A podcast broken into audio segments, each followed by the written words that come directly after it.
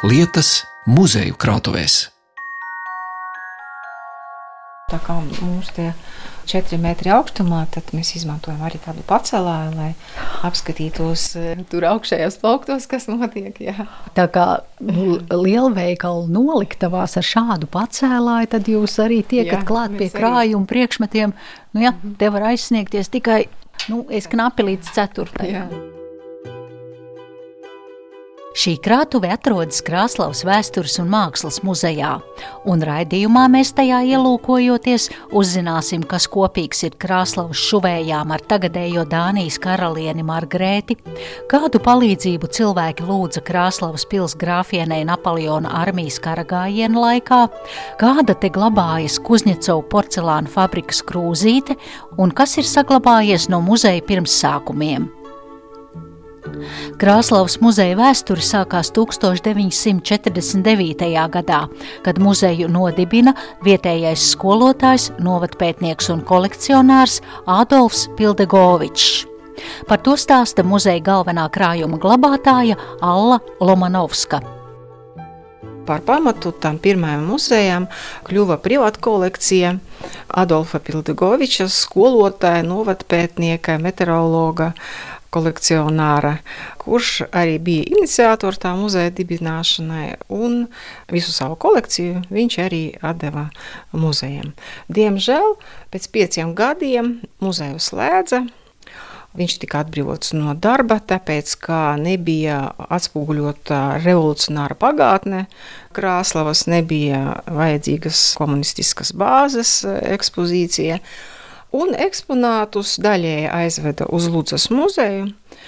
Daļa bija vienkārši iznīcināta, diemžēl.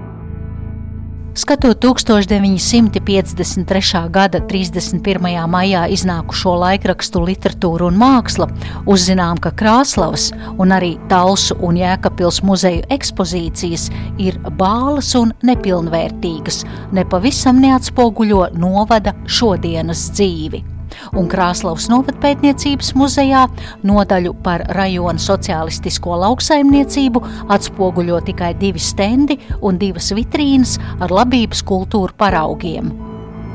Šis padomju ideoloģijas ceļrullis iznīcināja gan muzeja krājumu, gan pašu tā dibinātāju Ādolfu Pildegoviču, kuram atlaišana no darba un muzeja likvidācija bija smags trieciens, un 1955. gadā viņš aiziet aizsaulē.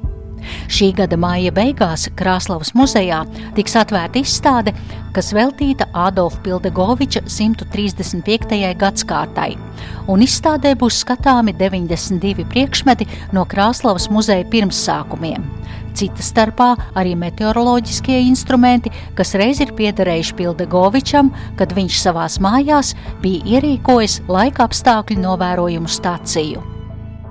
Priedaine pāri Daugavai. Viņam bija meteoroloģiska stacija Latvijas laikā, un, protams, viņa palika arī kara laikā, un tātad pēc kara viņam inkriminēja, ka viņš sadarbojas ar vāciešiem un sniedza viņam meteoroloģiskas ziņas. Viņš bija apcietināts un kādu laiku pavadīja cietumā Daugopilī, bet nu tad tika palaists. Jā.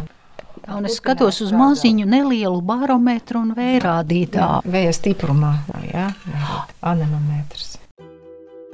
Tālāk Alla Lomanovska rāda citus muzeja krājuma retumus, priekšmetus, kas reiz ir piederējuši Šarkovsku dzimtai.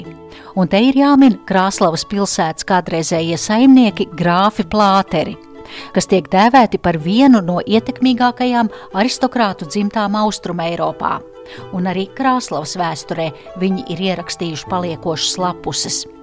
18. gadsimta vidū plāteri ar vērienu sāk būvēt šo apkaimi.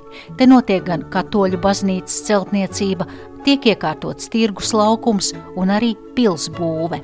Krāslavas pils kompleksā, kur tagad ir izvietojies arī muzejs, nu glabājas liecības par grāfiem plāteriem un viņu pēdējo pārvaldnieku Aleksandru Šarkovski. Aleksandrs Šarkovskis bija pēdējais mūsu grāfu Broila Plāteru, Marijas un Gustava pārvaldnieks. Mums viņi dāvināja daudz priekšmetu, jau, protams, viņa mazbērni. Pēc mazdēla nāves sieva Irina Mamičeva, viņa dzīvo Volgogrāda, bija atbraukusi ciemos un atveda trīs pogas pārvaldnieka mundiera ar brolu plāteru, dzimtas gerboniem, traukus dažādus, un 19. gada viņa nolēma, ka arī pārējos priekšmetus viņa dāvinas mūsu muzejam priekšmeti aizbrauca līdz Maskavai ar nodomu, ka mēs viņus tur paņemsim un atvedīsim. Un sākās mums pandēmija. Tad mēs gandrīz divus gadus nevarējām atvest, jo robeža bija slēgta. Paldies, mums palīdzēja arī mūsu Latvijas vēstniecība Maskavā, un tā tie priekšmeti atbrauca mājās. Tas ilgs ceļš viņam bija līdz mājām, bet viņi tagad Krāslava, jo visi Šarkovski ļoti mīlēja Krāslavu arī kaut eh, bija ļoti tālu mazbērni. Viens tad eh, Volgograda mazmeita Polijā, Varšavā, bet katru gadu viņa centās atbraukt uz Krāslavu tas bija kā rituāls. Ja? Un tagad uh, tas divas cūciņas, tas ir no Šarkovsku dzimtas jau. Mēs runājam par metāla cūciņām. Tā viena ir tā kā pelnu trauks domāta. Otra cūciņa ir stāvoša cūciņas figūra, bet mugura ir attaisīta vaļā un tur ir iedobi. Nu, izskatās tā kā tāda garena bļoda. Tad cūciņas pelnu trauki. Mm, tas ir um, suns. suns jā. Suņa galvenos spieķi. Tas ir, tas ir piederējis tad, Aleksandram Šarkovskim. Jā. Viņš ar šādu spieķi varbūt te pa plāteru pils Var, teritorijas. Viņiem arī grāvs arī uzdevināja tādu. No ziloņkaulu uztaisīts, un tas suns varētu būt doks. Mm -hmm, man izskatās jā. tādu masīvu purnu, mm -hmm. spieķa, suņa galva. Nu, kristāla tintnīca ar tādu metāla misiņu vāciņu. Skaisti. Tad tas pārvaldnieks bija labi ieredzēts no Jā. plāteriem. Un pēc šiem priekšmetiem var redzēt, ka viņš ir bijis turīgs. Un, un, Protams, jā. jā. Pēdējais pārvaldnieks dzīvoja nevis pārvaldnieka mājā, bet pīlī labās pārnā. Viens no Krasnodas nozīmīgākajiem kultūra vēstures un arhitektūras pieminekļiem ir pils, kurā līdz mūsdienām ir saglabājušies tik reti interjera priekšmeti, kas liecina par seno greznību. Un arī muzeja krājumā ir rodami daži no tiem. Ja jau mēs atrodamies Krasnodas pilsētā, ēka, viena no ēkām, tad arī, protams, par Krasnodas pilsētu atrastām lietām nav uh, daudz kad remontējam Krasnovas pilī padomi laiku, nu, renovācija notika. Starp, starp durvīm atrada krāsas podiņu fragmentus. Un uh, daļu var redzēt ekspozīcijā, bet daļa šeit krājumā jūs varat redzēt, cik skaisti zilie, zaļie, brūnie toņi, gan cilvēku figūras, gan ēkas, putni. Skatos šobrīd uz lauskām. Un te ļoti interesanti, uz vienas lauskas ir tā sievietes figūra, tā kā viņa kaila sieviete, vai tur ir muskuļi, mazliet tā tas, tas zīmējums ir teju anatomisks. Jā. Mm, anatomijas grāmatā varbūt šādu attēlu varētu iedomāties nevis uz krāsnes podiņa, bet lūk, ar šādiem interesantiem zīmējumiem savulaik ir bijušas rotāts grāfu broilu plāteru krāsnes tepat līdzās jā, esošajā pilī. Jā. Tad, Pili bēniņos zem sijas ir atrastas arī vēstules. Datētas ir 1812. gads, karš ar Napoleonu, poļu un eh, franču valodās, tā liekam ir poļu. Parasti raksta tuvākie kaimiņi, mužnieki, varbūt nelielas mužiņas, un, protams, lūdz palīdzību, grūtie laiki, nav labības, nav ar ko sēt vai nav ko ēst. Jā, 1812. gads. Augstsirdīgā un cildenā. Esmu ļoti nelaimīga un asarās mirkstot vēršos pie jūsu iejūtīgās sirds. Lūgtum, sniedziet man palīdzīgu roku un izrīkojiet tā, lai varu apsēt savus laukus. Aptuveni ar tādu tekstu tolaik grāfienei Ludvikai Broil Plāterei tika adresētas vēstules. Un noslēdzot stāstu par Krāslavas grāfu un viņu pēdējā pārvaldnieka lietām, Alla Lomanovska mani aizved uz ekspozīciju zāli, kur apmeklētāji var redzēt minētā pilspārvaldnieka mundiera pogas un visai svarīgu kancelejas priekšmetu, kas tika atrasts sakņu dārzā. Te ir poga ar grāfu Broila plāteru ģerboni. Ražota pogu fabrikā Varšavā, Polijā. 19. gadsimta beigas un piederēja Aleksandram Šarkovskim. Un e, mēs pat nevarējām ticēt un cerēt, ka kādreiz mūsu krājumā būs arī mūžas zīmogs. Bet, kad e, atklājām šo ekspozīciju, priekšmeti paši nāk uz ekspozīciju un pievienojas klāt pārējiem. Un viena krāsliviete, arī mūrāne, atnes mums zīmogu, kuru viņa atrada apstrādājot savu dārziņu.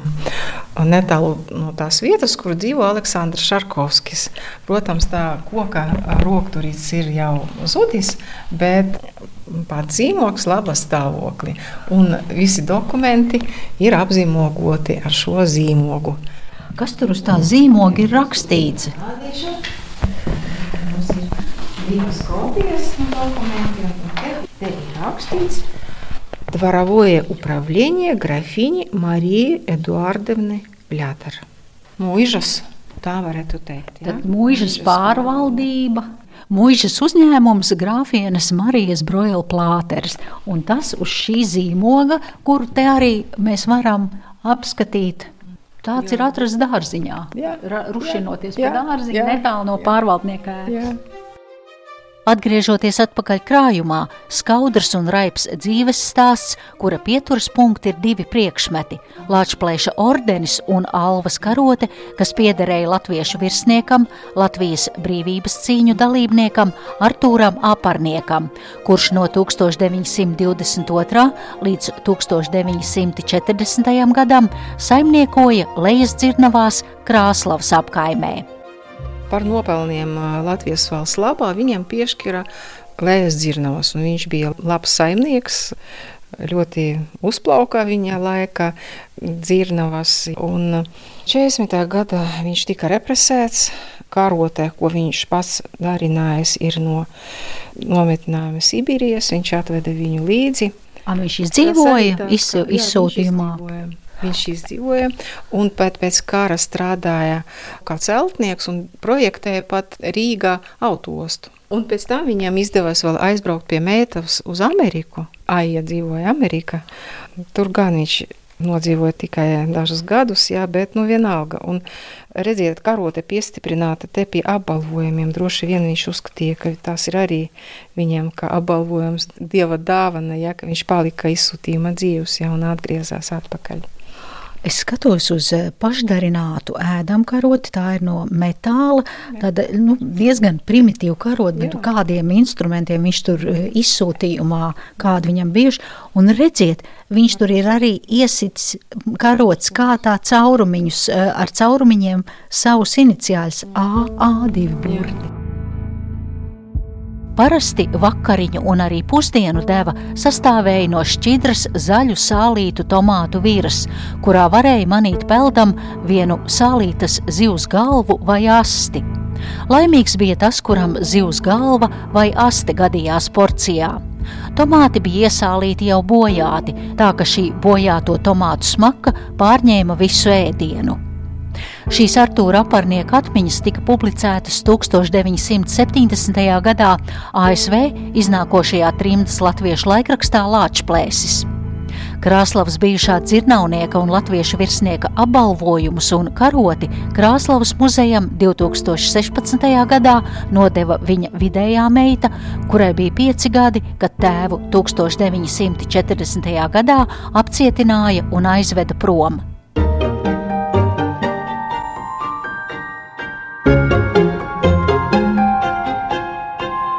Vietu lietas. Nākamais stāsts ir par šūšanas fabriku Nemo, kas dibināta pirms 51 gada un ar vienu turpina darbu. Pagājušajā gadā mēs pētījām arī mūsu šūšanas fabrikas Nemo vēsturi. Ieguvām ļoti daudz lietisko priekšmetu un Sākumā tā bija šūšanas fabrikas Latvijā filiāla numur 4. Tas ir padomju laikā. Ja? Pēc tam jau 90. gados šūšanas fabrika Krāslava, un tad ieguva jaunu nosaukumu Fabrika Nemo. pašlaik arī strādā ar tādu nosaukumu, diemžēl uz sava zīmola viņiem nav. Viņi strādā citām firmām, un te, piemēram, Danijas firma Eve un Klaudija, ar ko slavens tad šis te mētelis, skaists ar to, kā Dānijas karaliene Margarete viņu iegādājas. Tā. Tieši šādu pašu tieši mēteli, pašu. ne jau šo, bet... Jā, bet tieši šādu, jā. Jo es skatos uz puķainu pavasaru pusgaru mēteli ar ļoti skaistiem, nu tiešām tik pavasarīgs raips un krāšņs mētelis. Dizaina izstrāda firma Eva un Klaudija Danija. Mūsēja tikai šui. Tā ir pilnīgi dzīva puķu glezna mugurā.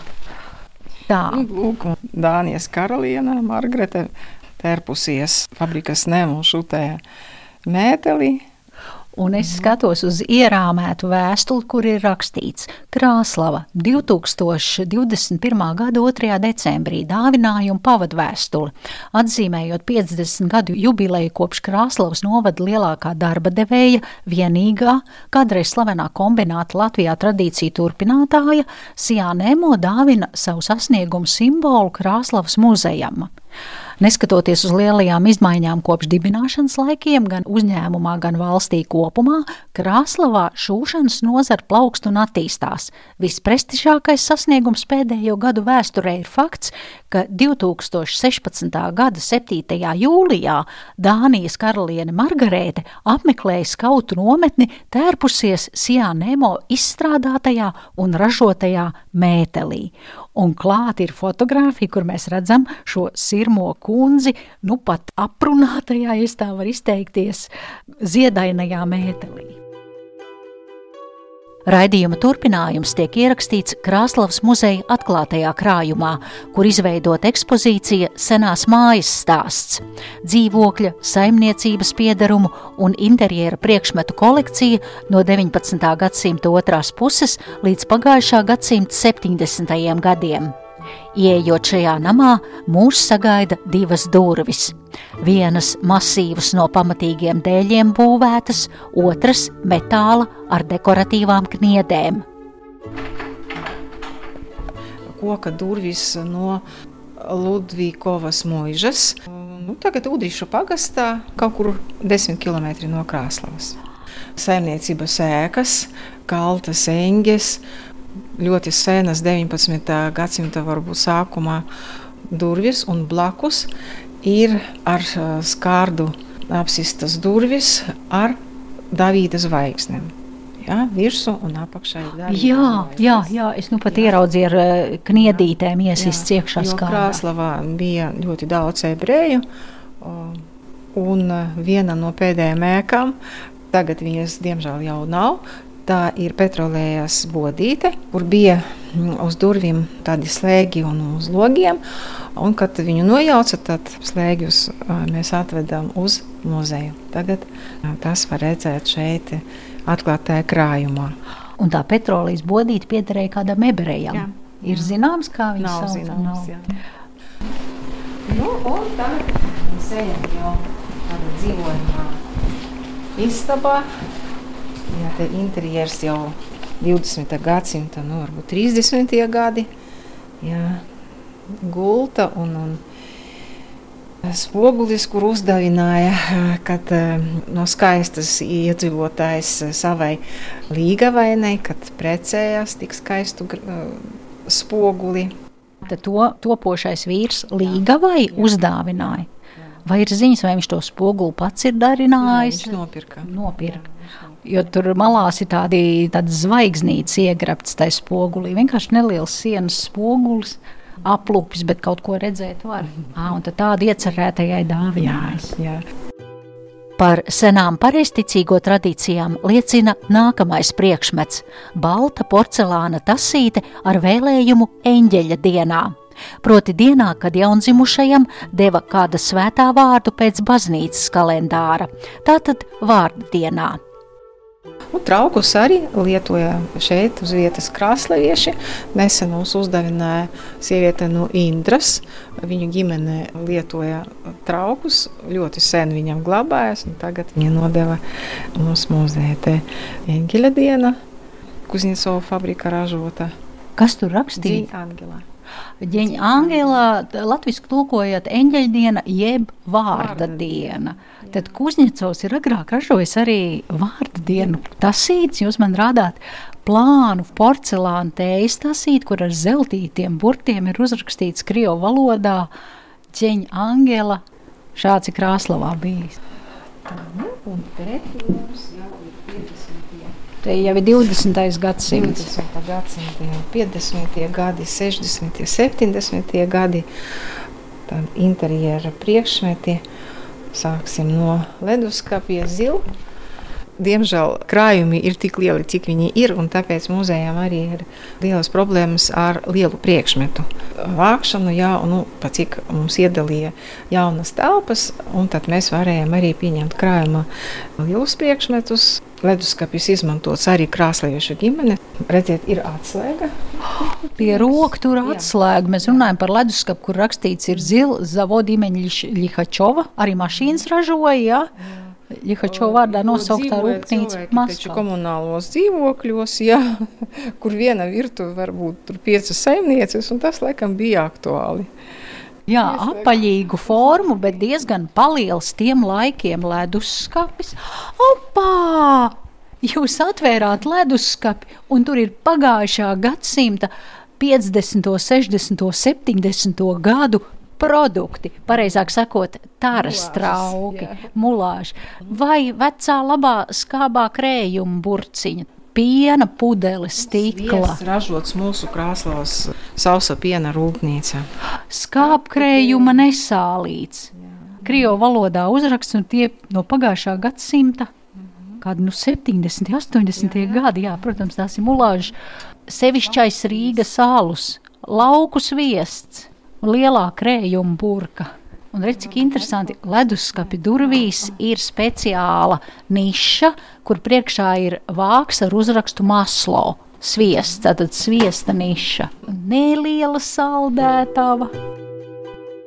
Paverot līdzās esošo plauktu un skāpīšu durvis, ieraugām Jelgavas cukura paku, šķīstošo kafiju vasara, Igaunijā ražotus buļļona kubiņus, žurnālu zīlīte un vēl citus priekšmetus, kas atsauc atmiņā padomju laiku sadzīvi. Tas jaukākais ir tas, ka jūs atverat skāpja durvis un ka tur ir atbilstoši tām mēbelēm arī iekšā tas saturs. Un te es skatos uz pagājušā gadsimta 70. gadu bērnu žurnāliem zīlīte, matu fēniem, lokšķērēm. Un televizors, Latvijas televizors neražoja. Jā, tad eh, tas ir Baltkrievija ražots, bet īpaši televizors Belarus. Tas ir kombains. Tas ir apvienot Apvienots O! ar atskaņotāju un radio. un radio, un viņam vēl bija pults, kur varēja regulēt spožumu. Bet es skatos to milzīgo lampu televizoru, kur vēl tam ekrānam priekšā ir palielināmais stikls, lai tas attēls būtu Jā. lielāks. Tad virspusē jūs attaisījāt viņš tādā milzīgā koka kastē. Koka kasts vāk tur ir skaņu plašs atskaņotājs. Un zem televizora ekrāna ir arī radioskala. Bija pieņemts tādu kineskopu piesakt ar Jā. salvētīti. Tāds bija Krāslavas vēstures īsais kurs no 19. gadsimta sākuma līdz mūsdienām. Un par šo ekskursiju es paldies saku Krāslavas vēstures un mākslas muzeja galvenajai krājuma glabātājai Allai Lomanovskai. Raidījumu veidoja Zane Lāce Baltalksne.